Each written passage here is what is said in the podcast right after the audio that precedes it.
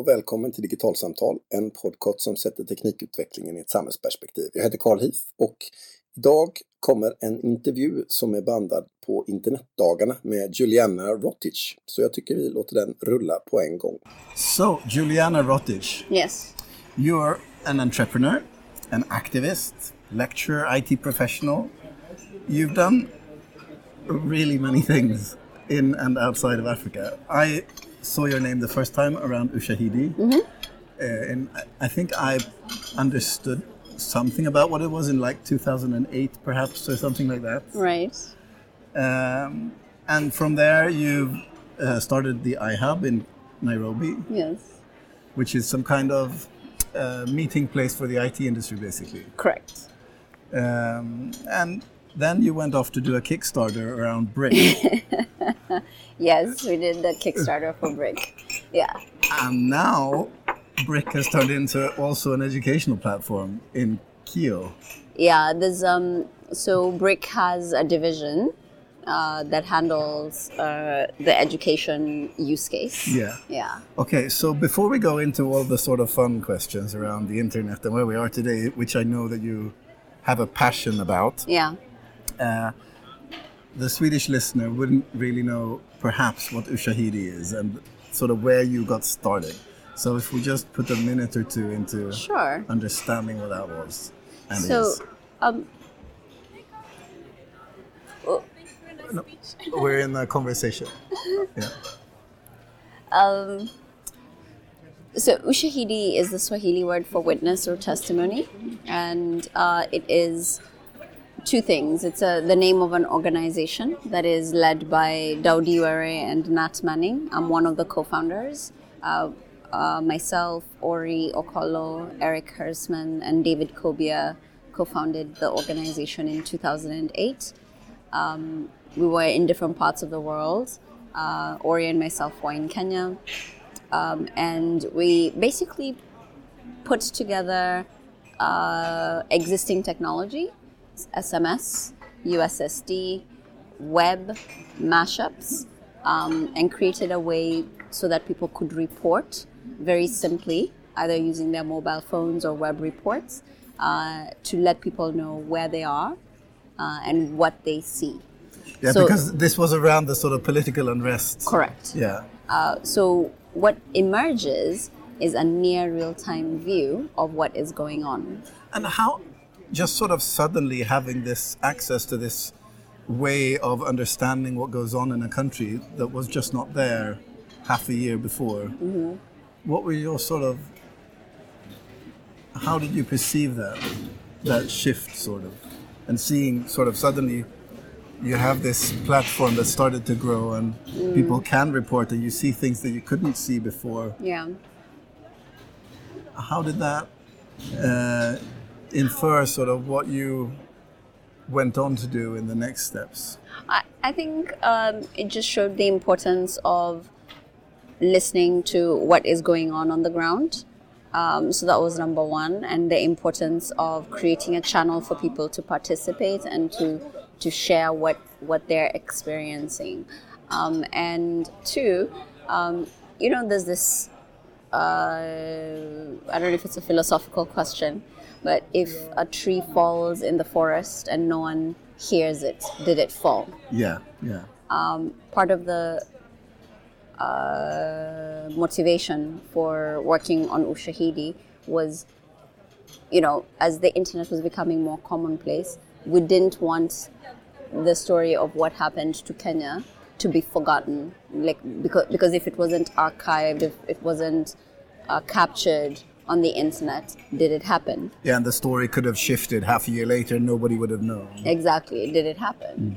Um, but it happened, and we we're just doing our part in capturing a bit of what people were experiencing and making that uh, archivable.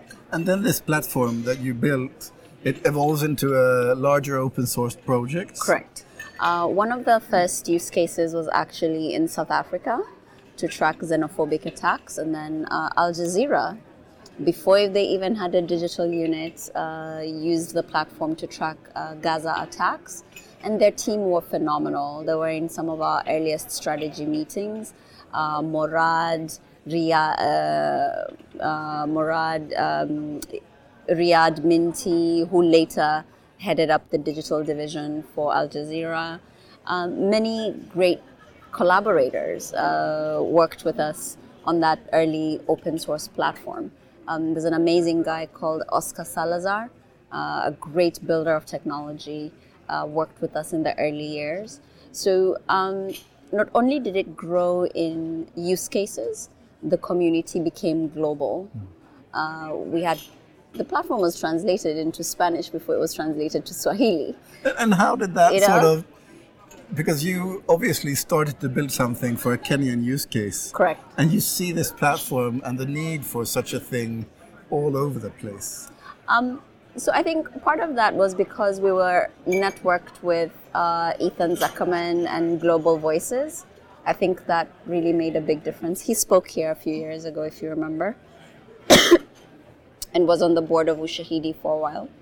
So um, it's important it, that that network effect is important to to point out that um, open source technology and transformational, uh, impactful technology.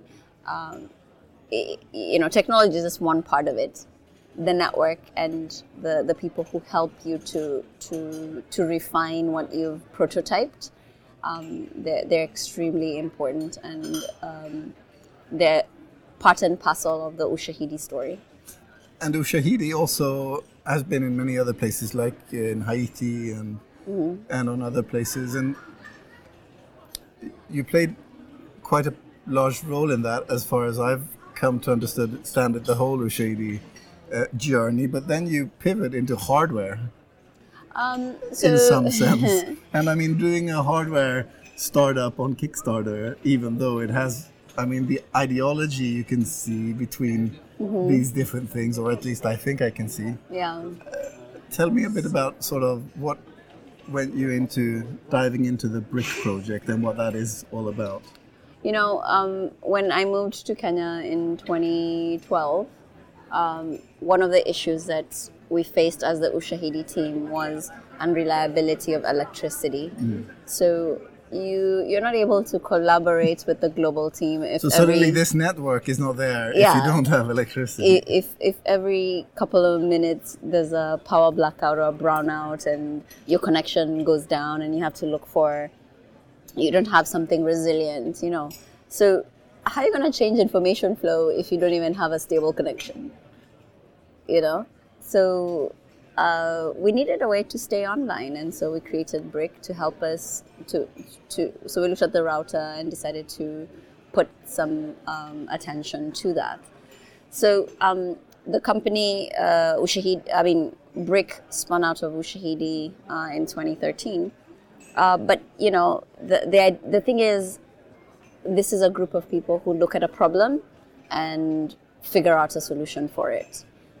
it that was how it was in 2008, and that's how it was in 2012, 2013 um, and continues to today. So there's a, a full service um, hardware company with Erik Hersman as CEO who are looking at these problems of connectivity, uh, problems of uh, delivering educational content, uh, and even Internet of Things in emerging markets, and finding solutions for them. Yeah. And the BRCK uh, had quite a successful Kickstarter. Yes. And from there, this sort of very rugged device with battery and Wi-Fi and Yeah. 3G and stuff has uh, continued to evolve, and it's a product that's ready available. Yes, it, it continues to evolve. Uh, as you know, uh, doing hardware is hard. doing hardware in Kenya, in It's Africa, even harder. is even harder. um, but, you know, again, you know, we keep learning from our challenges. One of those challenges was we had problems with uh, rapid prototyping. So, in conjunction with other companies like Sanergy, uh, the iHub, um, uh, Sanergy, iHub, even Mobius Motors, uh, and a few others, uh, we came together and create, set up a space called Gearbox in Nairobi, and it's supported by the Lemelson Foundation amongst other foundations. and it, it provides a hardware space for rapid prototyping. So again, if there's a problem, you figure out who so else not can only join you. did the sort of BRCK project yeah, uh, en- engage this community into actually doing the BRCK, but it's also sort of built a part of an ecosystem in order to support other hardware enthusiasts. exactly. So what we what we did for iHub in terms of the software industry in creating a space for entrepreneurs, investors, and businessmen to commu- uh, to to meet and to advance uh, the industry, we did the same for hardware through BRCK. It seems to you, for, for me, that you put an emphasis to these physical places as being very important for a very digital community. The iHub and the, um, this hardware accelerating environment that sort of, if you're going to work in in a country such as Kenya or for that matter anywhere else, this sort of, and you can see it popping up all over the world. And I mean, uh, these kinds of maker hacker spaces or Yeah, I, I think the place as a- yeah, it, it's um, I, I don't want to put disproportionate attention, uh, a disproportionate importance on the physical space because I think the internet culture is extremely important, and for uh, you know remote culture, um, re- remote collaboration culture, I think is extremely important, and remote working and that uh, you know that that that way of doing things is extremely important. Um, what physical spaces do um, is sometimes they can provide an anchor point, uh, a meeting point, sort of, you know, uh, at the airport, you know, the airport is a gateway to many interconnections, but you have a meeting point where you meet the guy who's going to take you to the local place and mm-hmm. show you what's up. So that's what the local spaces are for, but that doesn't change the fact that um, the the network effect is not uh, because if you just look at physical spaces, uh, it's not just about it. It you don't want to constrict ideas to just physical spaces. That's what the internet is for. The internet is a great place to share what you're doing so that you can inspire others. So I, I don't want to put too much uh, emphasis on the importance of a physical space because I think um, whether or not uh, we have an Ushahidi office in Nairobi or elsewhere, it won't change the fact that there's this thing that began and there's a community and there's a, there are people online who use it. Um, it won't change that. Yeah. and from BRCK in turn Yeah, yeah, to carry on the story. Yes. Uh, when I had a look around uh, your web pages and the company web pages, and here you're talking today, you also mention uh, your latest initiative that's around education. Yeah. How can a sort of uh, router company pivot into doing educational technology? I- It's not a complete pivot. Uh, education is just one one part of it. Um, if we think about the non-technical words that describe BRCK, uh, it's about uh, enabling connectivity, enabling connection, enabling possibility and uh, opportunity. Um, and you do that through providing connectivity with uh, uh, the router. Uh, and then you also provide possibility through providing equitable access to education uh, and uh, possibilities even around Internet of Things. So um, the education part is the newest one uh, that we've been exploring, uh, and it has a team that has that is looking at specific needs of the education sector and how our technology could be useful for that. So if so, okay. So if I look upon the companies from a purely technological perspective, it would feel a bit weird. Yeah. But if I look at it from a values perspective, it would sort of It tie in sense. and go together. Yeah, yeah, yeah. exactly. So, so starting up and working with educational technology in Kenya, Mm-hmm. uh, I mean, the whole basis of it, as far as I understand it, is that you saw this need for a type of technology that was built through the sort of human-centered approaches of the needs in Kenya, Correct. rather than purchasing some off-the-shelf product targeted towards a Western school or something. Exactly. So, in what way would you see that the needs of an educational context in Kenya differentiates itself, and how did you sort of tackle those issues into building a design that suits that environment? Um, we just paid attention to the challenges. We worked with several schools. Uh, we worked with a, a, startup called Elimu that was already uh, working in the education tech space. Learned a lot from them. In fact, uh, one of the my colleagues who's heading up the education unit, uh, Nivi Mukherjee, had been using uh, tablets in schools. And we listened to the teachers and we listened to the headmasters. And one of them said, one of the headmasters was said, his first problem was, our problem is the internet. That's a direct quote from one of the headmasters.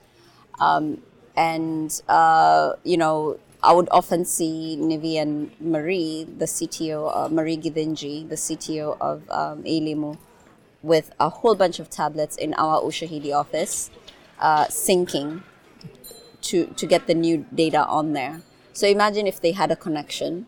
And then that sort of started the exploration. And then we talked to other people in the field. And that went into us creating uh, the full solution that you, you see in the video, the BRCK Kio kit.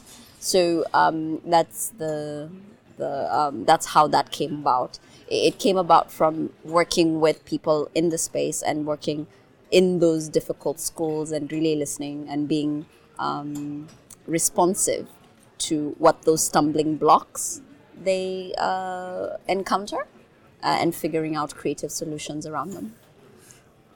And here at the Internetdagarna yeah. in Stockholm, uh, you've told a bit about this story, but you take the approach of this value based approach uh, towards things. And I mean, looking at all these different ventures from Ushahidi to BRCK to Kio, um, you can see that in your work. Uh, and I'm also thinking how you reflect upon a values based way of understanding connection and connectivity, for example, as you have seen the internet change from the Ushahidi early days in mm. 2008 mm. to where we are today. I mean, at that time, uh, sharing information could be putting it up on Ushahidi or a blog or somewhere. And today, obviously, as we all know, we have a very different internet, which is very platform centric and mm-hmm. where uh, information is shared in quite different ways than they were only 10 years ago uh, when it comes to uh, mm-hmm. sort of the ways and means of how we perceive the internet. Mm-hmm. And we have all these initiatives uh, in in uh, I mean parts of Africa as well, um, where we have internet.org mm. and we have uh, all these kinds of initiatives where actors try to bring in the internet, but not sort of the internet, but sort of the internet. And I know you have quite a lot of opinions on these topics, and I didn't want to have mm. a conversation with you without sort of tapping into it because it seems to have the same background yeah. in the sort of values context. So, what I'm advocating for, and what I was advocating for today, is to really think about this. Uh, that's why I call the talk the Internet of Possibility. Uh, is what we're bringing in, uh, or the setup that we we we're providing. It, um, it would behoove us to give someone a, a different version of the internet than than what you had the privilege of experiencing. Why are you giving somebody something that even you didn't you didn't have that version of the internet? Why then are you not providing the full open internet? And then why um, so i think that's uh, something to think about. So the internet of possibility is you know, a, a, because the internet is a place of exploration. It's a place of where it's a place of learning. It's a place of connecting. It's a place of of of expanding your horizons. Um, so that's what we should be working towards. And I, I've heard different um, people speak about this. Uh, I mean, Ime Archibong, who is head of strategic partnerships for Facebook, um, has talked about extending connectivity to to uh, billions of people in the world. So I think there's quite a, a bit of agreement. It's just that when you get to the finer details, that's when things get sticky. But what I'm I'd, I'd like to advocate for is just look at the gift that you were given in terms I consider it a gift to be able to uh, like um, Chris said, it is the internet is a place where it is free for you to make something on it. And then obviously Let's having forget that. and then obviously having somebody else uh, put a fence around what would be perceived as to be the internet is Correct. That something that it's contravening that possibility. That the internet that you're giving someone, can they build on it?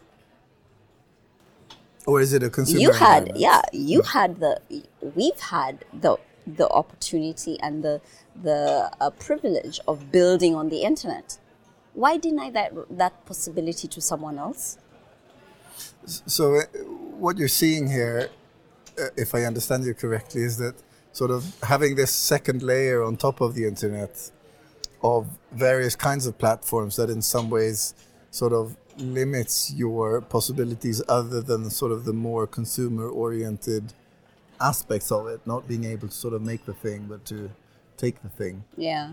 Would, in a sense, uh, if that was the first thing you saw when you came into the internet, it would be quite a different it would be a different reality because let's say let's imagine me and you were coming onto the internet in in the form that we're starting to see where it's just one platform and the only things that you could do there are xyz right? That we couldn't uh, create stuff together. What then are the possibilities for us? Yeah, so in a sense, it sort of shifts the roles. of course then you're just bringing in consumers you're not bringing in producers So, what would be sort of steps you could take or actions to do in order to sort of, if we're looking forward into this situation? to support uh, open uh, the open internet, um, to support organizations that are trying to extend connectivity. Um, there's some really great organizations. There's Village Telco, uh, started by Steve Song. Uh, there is um, there's even like for-profit companies that are doing a fantastic job of wiring up the the wiring up Africa specifically. Liquid Telecom is amazing. Um, other you know fiber optic companies are, are doing an amazing job. Can we let's support those efforts? Um, and you know uh, when we say access for all, let's just make that true. Like like let's make it open like real access for all. I mean we're sitting in stockholm which has incredible speeds fantastic internet. Um, that's a privilege. Um, let's see if we can extend that same privilege to many others and not just extend a version that we think uh, they should have you know Juliana, it's been a pleasure having a conversation with you. Thank, thank, you, very so much for having me